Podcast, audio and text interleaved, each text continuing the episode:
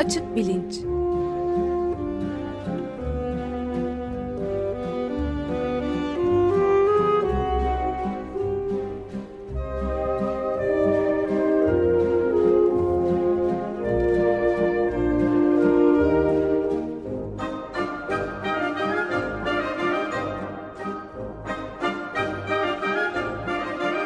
Güven Güzeldere ile bilim ve felsefe sohbetleri.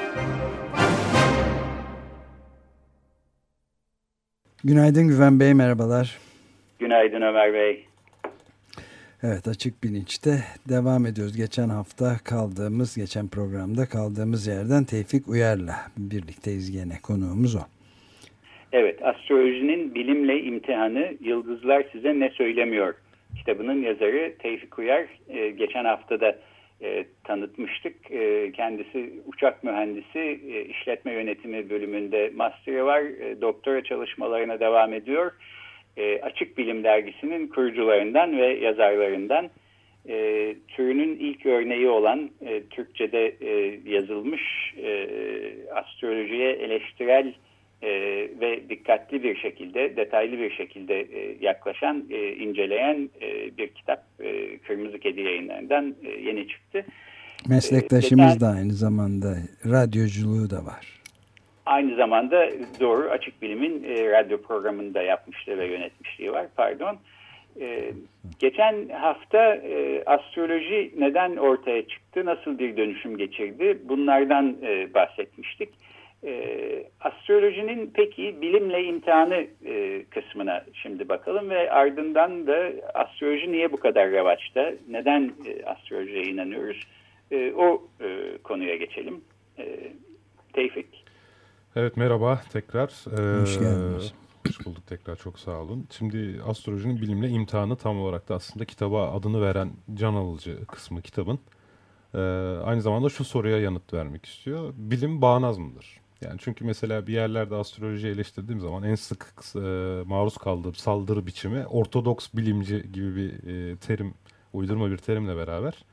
Hani bilimin bağnaz olduğu, burada gerçekleri görmek istemediği ile ilgili bir durum var. Aslında bu bir sorun. Yani bilim niçin gerçekleri görmek istemesin? Yani hakikaten eğer yıldızların hayatımız, karakterimiz, iş, eş seçimimiz üzerinde etkisi varsa bilim neden bununla ilgilenmesin ki? Bir sorun olmakla beraber aslında bilim bununla ilgilendi. Nasıl ilgilendi? Şimdi normalde bir hipotez sahibiyseniz tabii e, sizin bunu ortaya koymanız gerekiyor. Destekleyecek bulgularla. Ama astrologlar diğer tüm sözde bilimciler gibi bunu yapmadığı için bu işte yine bilim adamları sıyırmış kolları. 85'te e, yapılan mesela çok meşhur bir Carlson deneyi var. Carlson deneyinde 28 astrologdan istenen şey şu, şuydu. Deneklerin e, CPI adı verilen California Personality Inventory adı verilen bir e, kişilik envanteriyle karakter ölçümleri yapılmış. Aynı zamanda bu deneklerin yıldız haritaları alınmış. Astrologlardan istenen tek şey şu mesela Ömer Bey diyelim siz astrologsunuz. Ee, ben, ben size birisi doğru ikisi rastgele kişiye ait yıldız haritası veriyorum. Ve yine birisi doğru yani o yıldız haritasının e, ait olduğu kişiye ait karakter testini ve beraberinde iki tane e, test daha veriyorum. Sizden tek istediğim şey şu. O yıldız haritasını o karakter testiyle doğru bir şekilde ilişkilendirmeniz yani eşleştirmeniz. Astrologlar bunu 1 bölü 3 başarı oranıyla yapıyorlar. Yani ne demek bu? Bir itfaiyeci de yapsa o kadar yapardı demek. Yani astrolog olmak burada bir şey değiştirmemiş. Çünkü elinizde bir yıldız haritası, 3 tane de karakter testi varsa bu yıldız haritası az önce yanlış söyledim. 3 yıldız haritası demiştim. Tek yıldız haritası 3 karakter testi. Normalde e, rastgele zaten sallasanız tutma olasılığı 1 bölü 3'tür. Evet, Çok dikkatle incelemelerine ve karakterle eşleştirmelerine rağmen yine %33 e, başarı oranı yakalamışlar. Astrologlar buna itiraz ettiler. Dediler ki burada e, bilim adamları tasarladı bu deneyi. Üstelik bu e, karakter ölçüm envanterinin e, hani doğru ölçüm yaptığı ne malum dediler. Bunlar haklı itirazlar. Yani ben de bilim bir bilim insanı olarak bu itirazların haklılığına katılıyorum. Bu yüzden 1990 yılında McGree ve McFall adlı iki bilim insanı e, deneyi tekrarladı. Ama bu sefer şöyle bir farkla. Indiana eyaleti Astrologlar Federasyonu'nun da yardımıyla. Yani tamamen deney sürecini bilim insanları astrologlarla beraber tasarladılar. Astrologların şu, şu istekleri kabul edildi. Bir, denekler 30 yaşından büyük olacaklar. Nedense 30 yaşından önce astroloji karakterin oturduğuna inanmıyorlar. Buradan bu sonuç çıkıyor ortaya. İkincisi e, envanter sorularını kendileri hazırlayacaklar.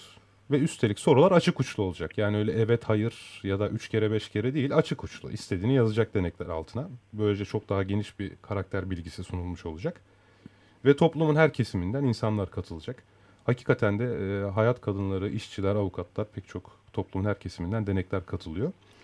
Ve bilin bakalım yine bilme olasılığı kaç çıkıyor? %33. hatta hatta kontrol olsun diye e, bu astrolog grubuna bir tane de psikoloji öğrencisi kontrol e, amacıyla koyuluyor. O bile daha çok biliyor. Şey, astrologlardan yani psikolojiden biraz anlamak bile e, bazen eşleştirmeyi daha doğru yapmanıza neden oluyor. Tabii şu an Bu iki deneyde de e, yer alan astrologların hepsi aslında e, kendi kariyerleri açısından e, öneme sahip, bilinen, tanınan ve astroloji dünyasında saygı duyulan isimler değil mi? Herhangi isimler de değil işte. Herhangi isimler değil. Tabii bu insanlar en ünlü isimler. Kitap yazarları, profesyonel olarak astrologluk mesleğini yapanlar. Tabi bu arada hata yapmış olmak istemem. Deneyler çok daha detaylı. Ben vakit kısıtı nedeniyle evet, evet. detaylardan kitap, e, kitapta çok daha e, derin bir biçimde bahsettim. Hani özet olarak başarısızlar. Kısacası bu. Yani bugüne kadar yapılan bilimsel sınamalar sadece bu iki deney değil. Astrolojinin daha pek çok tezini sınamak için yapılan bütün deneyler fos çıktı. Bir tanesini de ben yaptım. Geçen hafta e, Güven Bey bahsetmişti. Her sene Fatih Altaylı e, programına 3-4 astrolog çağırıp önümüzdeki sene ne olacak diye soruyor. Yani sosyolog ya da ekonomist değil astrolog çağırıp e, yapıyor bunu. İşte ben Fatih Altaylı'nın programında astrologların öteki yıla 2012 yılının sonunda 2013 için yaptığı tahminleri toparladım.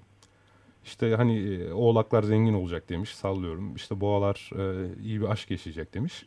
Ben tüm bu e, önce bu e, kehanetleri bir yere topladım. Daha sonra insanlara gerçekten çok basit ama gerçekten çok basit bir e, anket hazırladım. Dedim ki 2013 yılında iyi bir aşk hayatım oldu. E, maddi durumum iyileşti. Evet, hayır. İyi bir aşk hayatım oldu. Evet, hayır. Genel olarak daha mutluydum. Evet, hayır gibi. Çok basit sorular sordum. Önce insanlara burçlarını sordum. Daha sonra yükselen burçlarını sordum.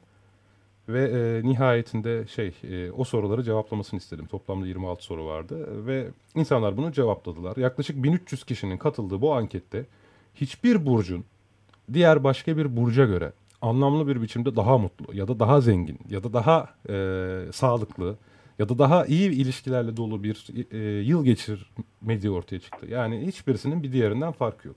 Hani as sadece astrologların tezlerinin yanlışlanması değil, bunun ötesinde bir e, bir yılın herhangi bir burç için fark yaratmadığı ortaya çıktı. Ha bu çalışma eleştirilebilir mi? 1300 kişiden daha fazla bir örnekleme ihtiyaç olduğu için belki eleştirilebilir.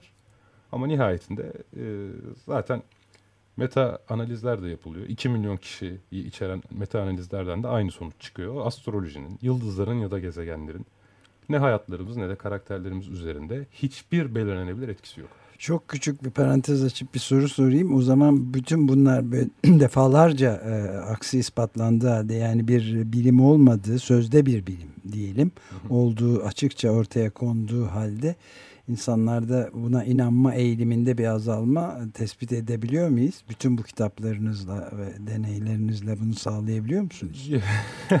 Bence yani e, sağlanabildiğini düşünmüyorum. Yani şüpheci bir insan için mutlaka sağlar. Ama hali hazırda siz inanmak istedikten sonra zaten her fal doğru çıkar e, diyebileceğimiz bir de boy, işin psikolojik boyutu var tabii. E, dolayısıyla şüpheci insanlar için bu çalışmaların faydası olduğuna inanıyorum. Ama hali hazırda zaten astrolojiyi seviyorsanız hatta hatta bundan maddi bir çıkarınız varsa tabii ki bu bilimsel çalışmaların sizin için hiçbir anlamı olmaz.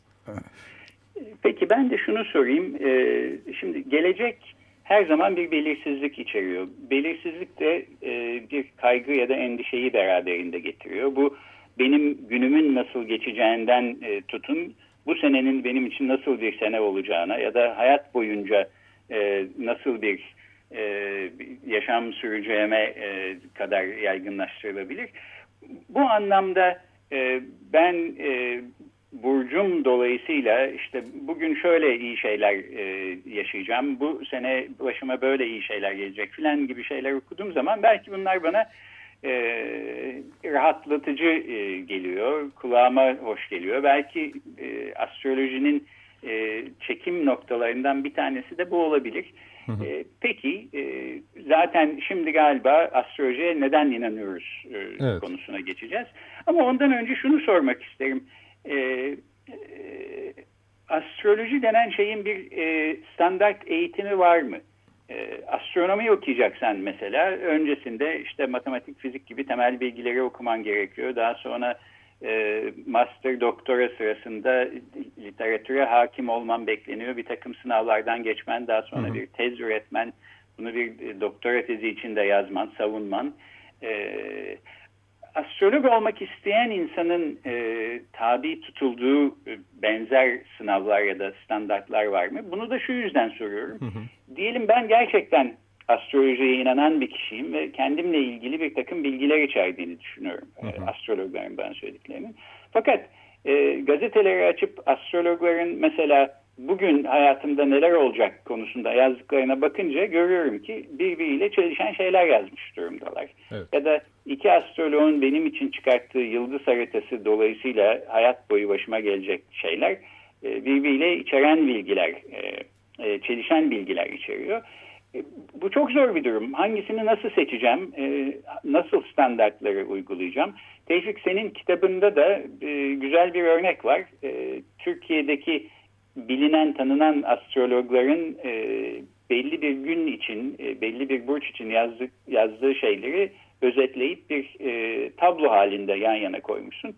Birinin dediği öbürünün dediğini tutmuyor. Evet bilimde hiçbir zaman olmayan, e, olmayacak türde aslında bir gevşeklik e, görüyoruz burada. Bu da belki astrolojinin gerçek bir bilim değil, bir ancak bir sözde bilim olduğunun e, bir başka kanıtı olarak e, görülebilir.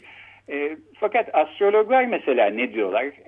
Bir dediklerinin bir dediklerini tutmaması, bir astrologun bir diğer astrologun dediğiyle çelişiyor olması konusunda. Şimdi bayağı geniş bir soru oldu. Ben de uzun bir yanıt vereyim. Aslında keşke sorunun uzun olacağını da öngörememiştim. Not almadım ama şöyle başlayayım. Öncelikle astrolog olmak için verilen IBAN numarasına gerekli meblağı yatırmanız yetiyor benim gördüğüm kadarıyla. Ondan sonra birkaç okuma veriliyor size veya online eğitim. Oraya geçince astrolog sertifikası veriliyor. Altına astrolog hocanız imza atıyor ve artık siz de astrologsunuz. Esasında e, geçenlerde Yılmaz Özdil köşe yazısında daha başka bir yöntemden bahsetti e, gazetelerdeki en acemi muhabir astrolog olur dedi. Ben de yaptım dedi gazeteye ilk girdiğimde. Çok ilginçtir. Ben de yaptım. Ben de bir zamanlar dergi çıkarırken e, üniversite öğrencisiydim o zaman. Bir astroloji köşesi yapıp kendime bir tane isim uydurup ben de işte şu, şuydu buydu falan İtiraf diye. İtiraf saati gibi. Evet oralara yazmıştım ki bu kitapla ilgili çağrıldığım hani röportajlarda şurada burada kiminle bu meseleyi konuşsak hepsini zamanında en az bir defa astroloji köşesi yazdığını öğrenmiş bulundum. Çok tuhaftır. Yani birbirini tutmaması normal çünkü aslında kimin yazdığını, yazanın hangi uzmanlığı olduğunu bilmiyoruz. Ve dediğim gibi benim gördüğüm kadarıyla verilen IBAN numarasına para yatırmaktan başka bir şey yok. Şu var. Yani sizi neşter tutmak cerrah yapmaz. Astrolojinin astronomi yöntemlerini kullanması da onu bilim yapmıyor. Genelde astrologlarla tartıştığım zaman hakikaten şu var. Astrologlar herhangi birimizden, herhangi başka bir alanın bilim insanından daha fazla takip ediyorlar gökyüzünü. Ben Mars'ın konumu, Satürn'ün konumu nerede bilmiyorum. Belki güneş fiziğiyle ilgilenen, ilgilenen bir astronom da bugün Mars'ın, Satürn'ün gökyüzündeki konumu bilmiyordur zaten. Bununla ilgili sistematik bir takibi yok. Ama astrologlar gerçekten bunu sistematik olarak takip ediyorlar. Fakat bunu sistematik olarak takip etme, etmeleri bundan doğru sonuçlar çıkaracakları anlamına gelmiyor. Evvela zaten astroloji bir postülaya dayanıyor. Yani varlığı ispatlanamayan e, bir gerek şey bir hipotez var ortada. O da gök cisimlerinin bizim hayatımızı etkilediğiyle ilgili. Şimdi böyle bir inanç kısmından da sorunuzda bahsetmiştiniz Güven Hocam. Ona gelirsek eğer Malinowski, sosyolog Malinowski bütün batıl inançların belirsizlik kaygısından zaten ortaya çıktığını söyler. Michael Shermer da Malinowski'nin bu e, söylediğinden alıntı yaparak şöyle çok güzel bir örnek veriyor. Mesela beyzbol, basketbola göre çok daha fazla belirsizlik içeren bir spordur. Çünkü yani ne kadar iyi sporcu olsanız da topun geliş açısı, rüzgar çok fazla şans sizi etkiler.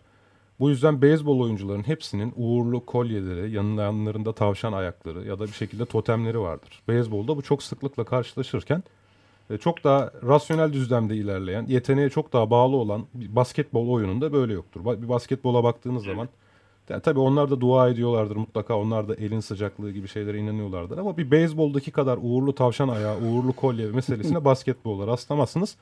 Bu örneği de ben ekliyorum.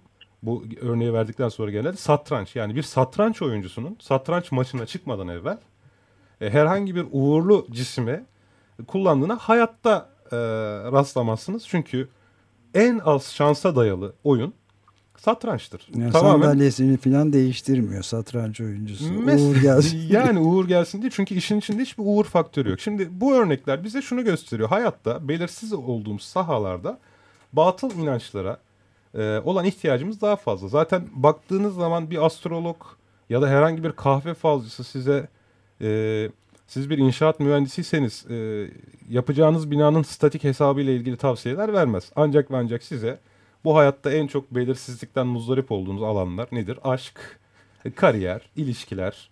Hani e, hep duymak istediğimiz, güzel şeyler duymak istediğimiz, geleceğin belirsizliği içerisinde duyduğumuz zaman bize vereceği ümitten neşeleneceğimiz konularla ilgilenirler. Yani 2015 yılında Aşk Hayatınız diye kitap vardır ama 2015 yılında burçlara göre şehir bölge planlamacılığı diye bir şey yoktur. Yani sonuç itibariyle rasyonel alanlarda zaten fal yoktur ve e, bu belirsizlik alanlarından türüyor.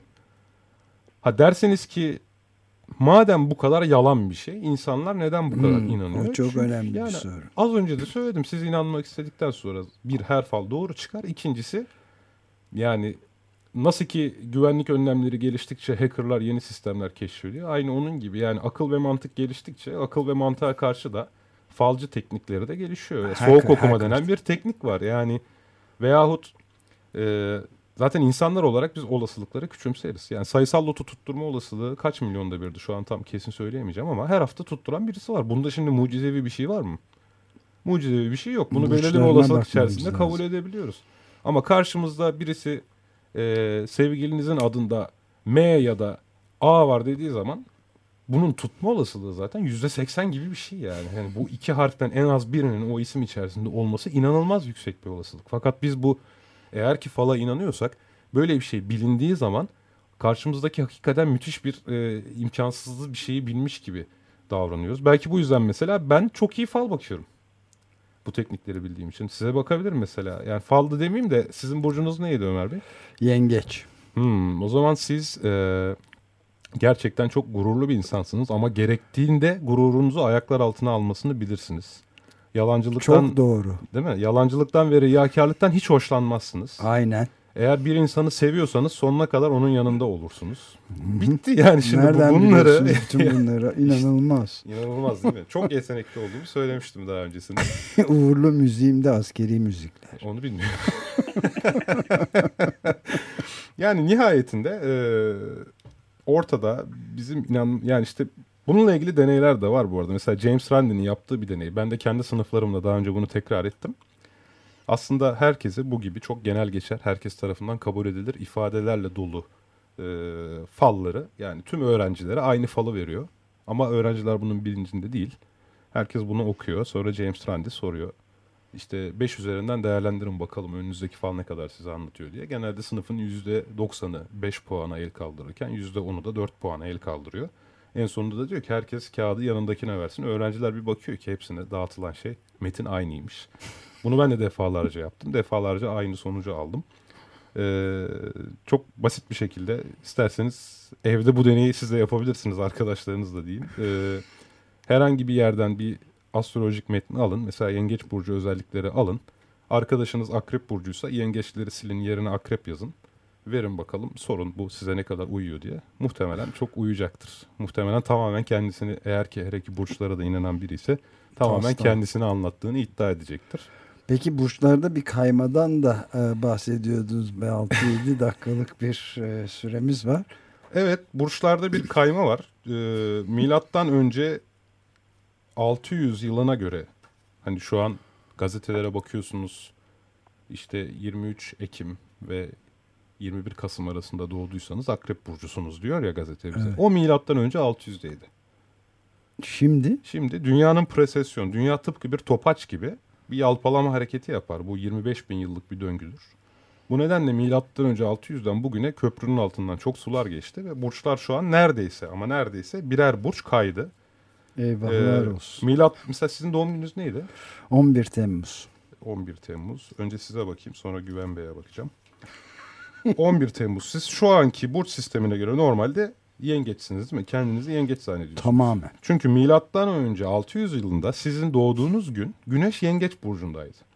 Ama bu prosesyon hareketi nedeniyle günümüzde yani siz doğduğunuzda 11 Temmuz'da Güneş ikizler burcundaydı. Yani aslında siz yengeç burcu değilsiniz. Bu mantıkla. O bakarsan. yüzden şizofrenik hissediyorum zaman zaman kendimi. o zaman hepimizin olması lazım. Hepimizin birer kayım. Sizin e, Güven Hocam? E, benim de e, kova burcu olduğumu zannediyorum. 23 Ocak. 23 Ocaksa siz artık oğlaksınız. Üzgünüm. Kendinizi kova zannediyorsunuz ama siz Tevfik aslında... olamaz imkanı yok. ya bence de yani bu ol, olacak iş değil. Üzgünüm yani ama durum bu. Yani çünkü günümüzde 23 Ocak tarihinde Güneş Oğlak Burcu'nda eskisi gibi Kova Burcu'nda değil. O milattan önce 600'deydi. Peki astrologlar buna ne diyor biliyor musunuz? Ne diyorlar? Diyorlar ki e, gün, burçların takım yıldızlarıyla alakası yoktur. İşte gökyüzü 30'lar dereceyle bölünmüştür vesaire vesaire bir açıklama yapıyorlar. Tamam diyelim ki bu açıklamayı kabul edelim. Peki o halde niçin? Az önce siz marif takviminden bize terazi burcunun özelliklerini okudunuz. Orada en çok göze Geçen çarpan hafta, şey evet. neydi? Geçen hafta. Terazi burcunun dengeli olduğu iddiasıydı değil mi? Evet. Terazi burcuna dengeli denir. İşte akrep burcuna her sivri dillidir, arkadaşlarını sokar denir. E arkadaş, madem takım yıldızlarıyla alakası yoktu bu burçların.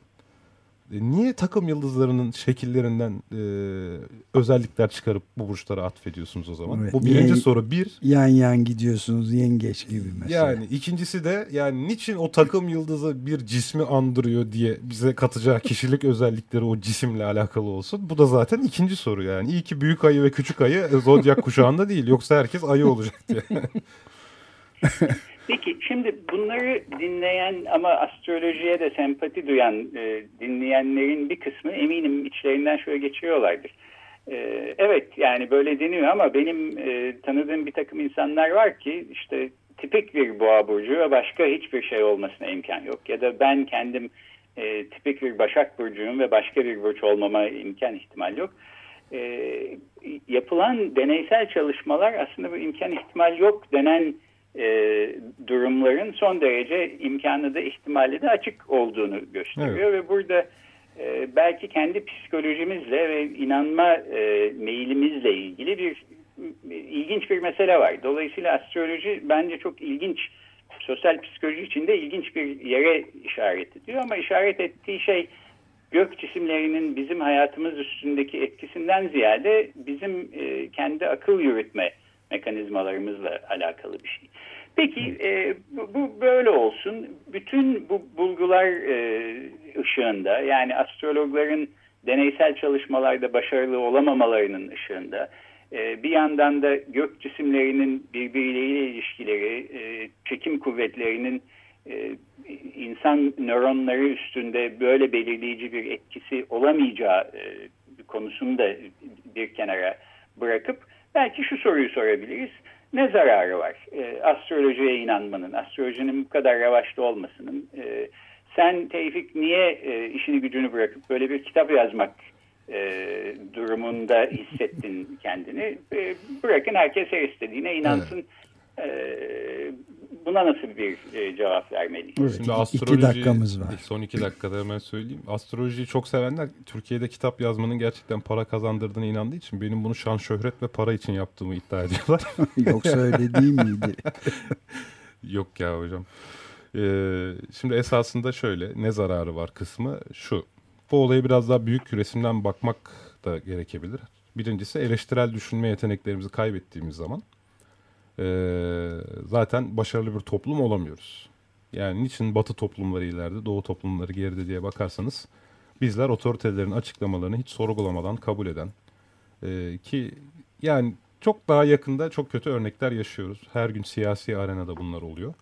E, ben Türkiye'nin zaten başat probleminin eleştirel düşünmemek olduğunu, bir e, siyasi otoritenin peşine takılıp gitmek, onun söylediklerini hiç sorgulamadan kabul etmekle ilgili olduğunu düşünüyorum. Ama bu genel problemler genelde insanlar tarafından siyasi olarak etiketlendiği için kabul edilmiyor. O yüzden astroloji özelinde şunu söylemek istiyorum. Şimdi astrolojinin e, İngilizce'de demarcation problem problem dediğimiz bir kısım var. Yani sınırı nerede? Sınırı nerede olacak astrolojinin? Çünkü insanlara bu hafta ameliyat olmayın diye öneride bulunabiliyorlar. Bir astrolojinin tıp yani sağlık üzerinde etkisi olduğuna inanan bir cerrahın bıçağı altına yatmak ister misiniz? Ameliyat tarihinize böyle bir cerrahın karar vermesini ister misiniz? Bunu sorayım. Ya da geçenlerde Türkiye'de maalesef bir astrolojik e, örgütsel bağlılık yüksek lisans tezi yayınlandı. Sonunda Oğlak, İkizler ve Kova burçlarının örgütlerine bağlı olmadıkları, e, bu burçların e, şirketlerinden ayrılmaya meyilli oldukları yazıyordu. Şimdi pek çok insan iş başvurusu yapıyor. Her şeyi müthiş geçmesine rağmen işe alınmıyor. Biliyor mu ki acaba insan kaynakları müdürü astrolojiye inanıyor ve sırf onu kova burcu olduğu için istemedi. Yani bu fırsat eşitliğine zarar veren kötü bir şey değil midir? Yani hayata batıl inançlarla karar vererek e, hem sağlık açısından tehditlerle hem fırsat eşitliğini zedeleyen şeylerle karşılaşırsak ne olur? Bunun sınırı nerede olacak? Hayatı astrolojiye göre düzenlemenin sınırı nerede olacak? Yani astrolojiye göre karar veren bir mühendisin yaptığı uçağa binmek ister misiniz? Bir otomobili sürmek ister misiniz? Yani benim demek istediğim şey bu. Bir arkadaşımın, Kerem adlı bir arkadaşımın çok güzel bir örneği vardı. E, mesela bir makine mühendisine şu an gidip abi şu kutsal odundan eğer bu makinenin e, haznesine atarsan verimi iki kat artıyor demeye kalkarsanız sizi döver değil mi? Ama o kişi astrolojiye inanabiliyor şimdi o zaman. mesele bunun sınırını nerede çizeceğimizle ilgili. Vaktimi aşmayayım cevabım bu. Yani bence hangi burçtan olduğuna bağlı. Ben akrebim o yüzden şüpheciyim biraz. e, tamam anlamış olduk o zaman. evet galiba süreyi de bitirdik. Evet e, bugün astrolojinin bilimle imtihanı Yıldızlar Size Ne Söylemiyor e, kitabının yazarı Tevfik Uyar e, konuğumuz oldu. Geçen haftadan başlayan bir tartışmanın sonuna geldik. E, astroloji e, konusunu eleştirel ve detaylı bir şekilde e, ele alan, e, Türkçe'de yazılmış olan ilk ve tek kitap e, buradan e, dinleyicilerimize de e, önermiş olalım.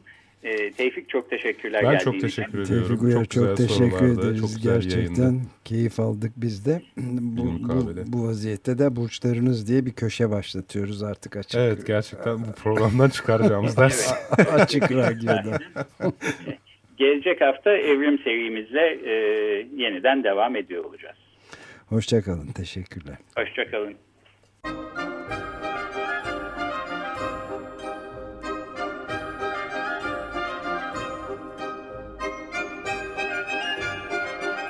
Açık Bilinç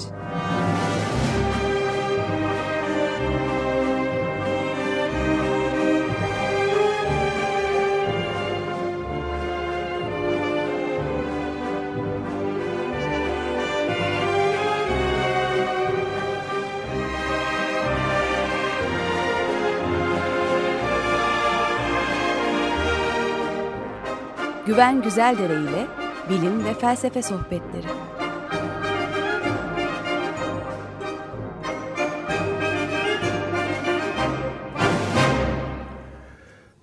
Açık Radyo program destekçisi olun.